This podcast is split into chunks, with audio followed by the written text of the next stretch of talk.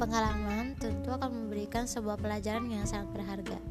Nah, Izam podcast ini tuh akan memberikan pengalaman-pengalaman dari teman-teman, dari saudara-saudara dan dari Izam sendiri.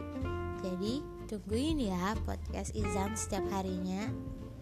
Selamat menikmati.